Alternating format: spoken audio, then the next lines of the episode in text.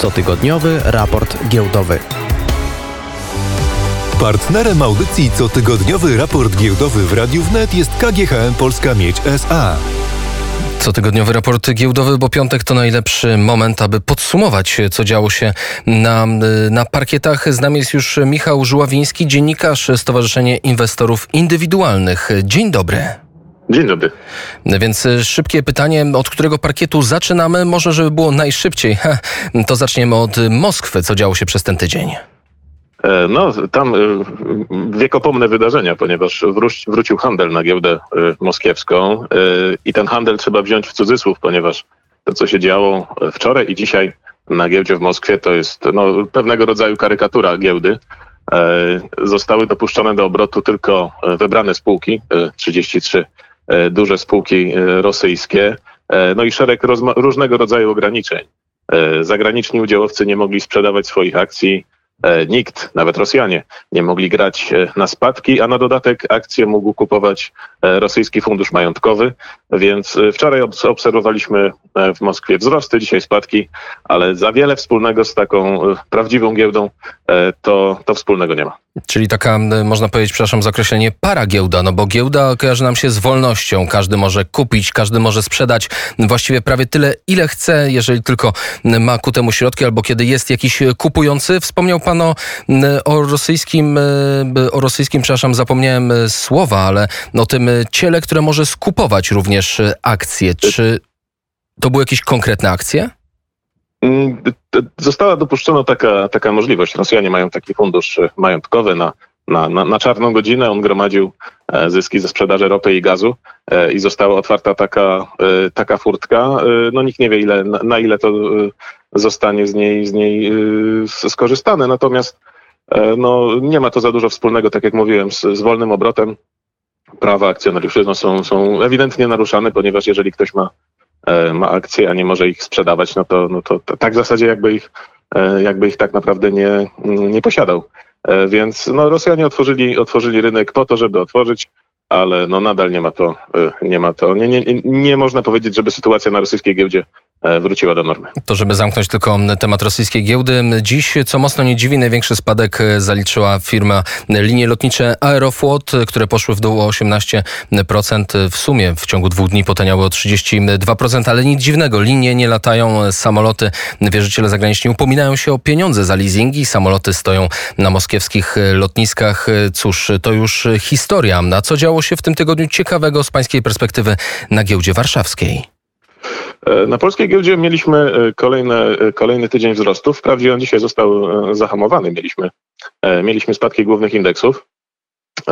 No mamy już miesiąc od, od tej rosyjskiej inwazji na Ukrainę, więc to też w takim, w takim horyzoncie na te wydarzenia się, się patrzy, ponieważ no, polska giełda oczywiście zareagowała mocno i szybko na, na te wydarzenia z, z końca lutego, a potem sukcesywnie, sukcesywnie indeksy pięły się w górę i z tym mieliśmy także do czynienia, aczkolwiek e, o ile jeszcze w ostatnich, e, powiedzmy, tydzień temu i dwa tygodnie temu widać było takie oznaki optymizmu i takie oznaki wręcz wyczekiwania przez rynek na sygnały, które nadchodziły ze, ze wschodu, a to o postępach negocjacjach, to wszystko było oczywiście dementowane.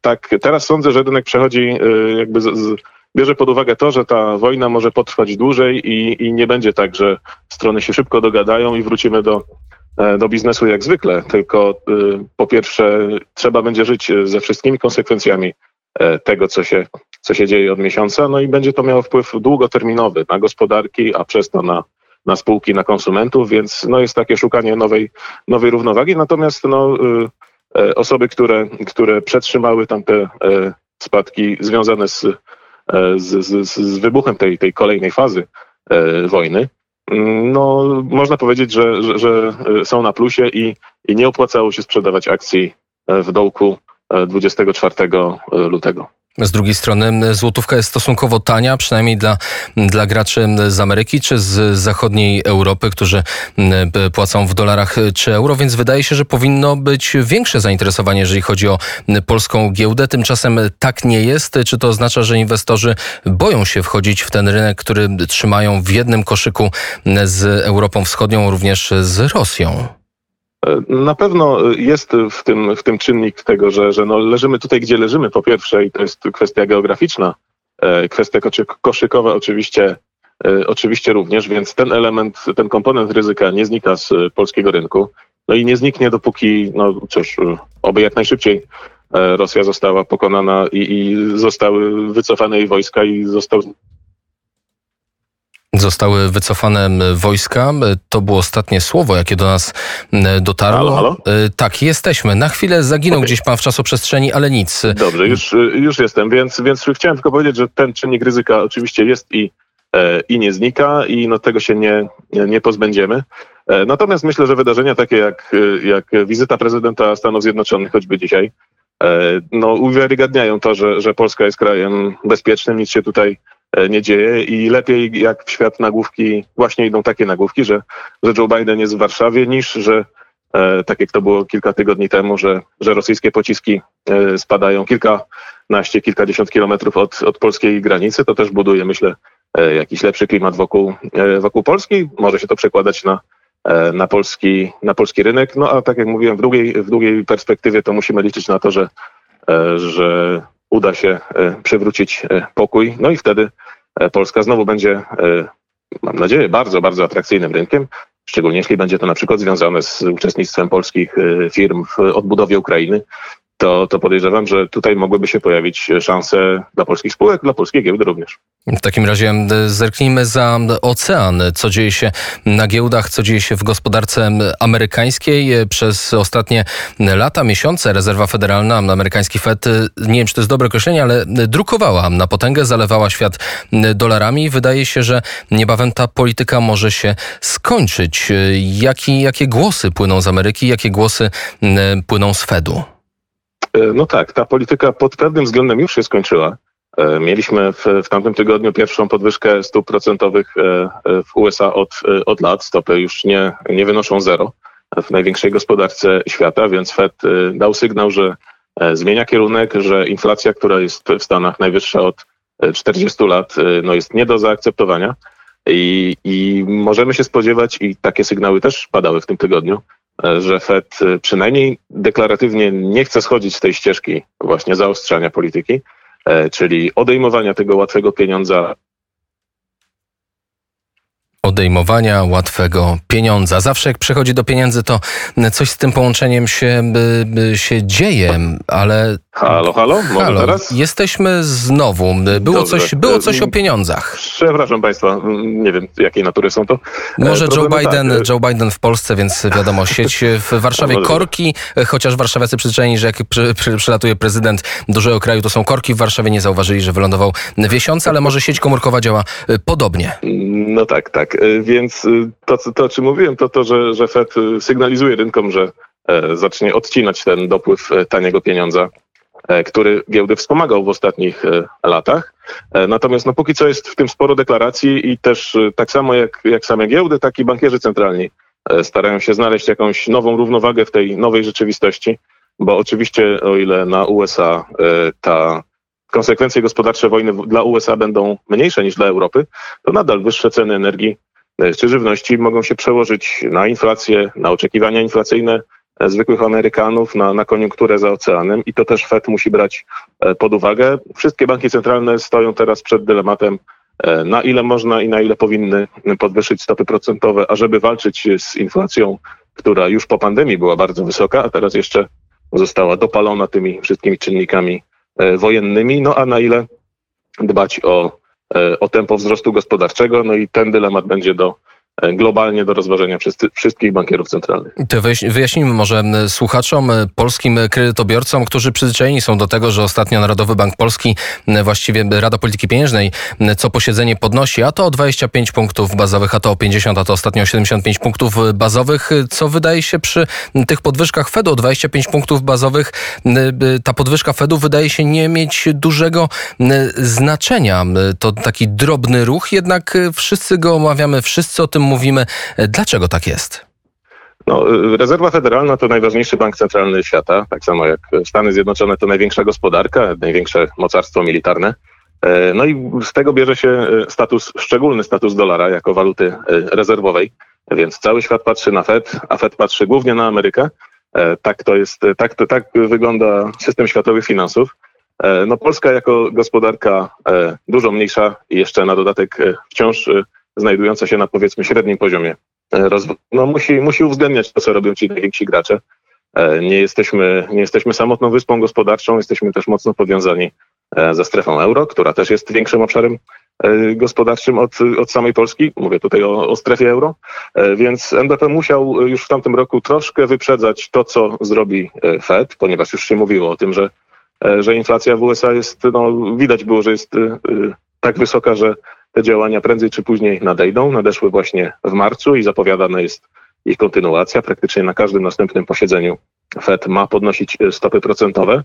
E, no i, i właśnie dlatego, żeby, żeby y, na przykład chronić wartość złotego, która i tak troszeczkę przez, przez tę wojnę mm, osłabał w, ostatnim, w ciągu ostatniego miesiąca, NBP musiał podnosić stopy procentowe i tak jak powiedział prezes Adam Glapiński, E, wygląda wszystko na to, że, że będzie to e, robiła Rada Polityki Pieniężnej nadal, więc e, w ostatnich tygodniach co i rusz rosną prognozy ekonomistów dotyczące tej docelowej stopy procentowej w ramach obecnego cyklu. W tym tygodniu pojawiły się nawet prognozy mówiące, że stopy procentowe w Polsce miałyby wynieść 7,5%, jeśli chodzi o stawkę referencyjną.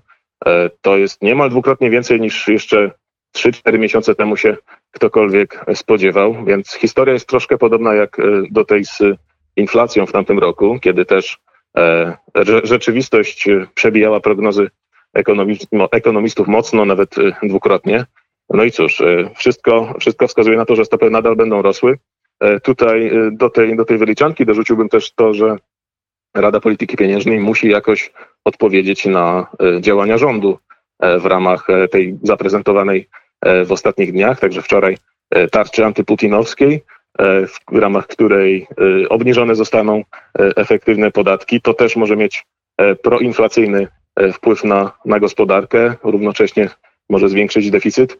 Więc to szukanie nowej równowagi dotyczy także kwestii fiskalnych i monetarnych, no i e, oczywiście bank centralny jest niezależny od rządu, no ale musi jakoś reagować na E, na rządową politykę. To prawda, wspomniał Pan na początku wypowiedzi, że cały świat patrzy na Amerykę, cały świat y, kopiuje te rozwiązania, które płyną do nas choćby od amerykańskiego Fedu, a może tak przewrotnie teraz powiem, zażartuję, może to Narodowy Bank Polski wskazał kierunek amerykańskiemu Fedowi, bo te podwyżki zaczęły się u nas, ale nie tak na poważnie.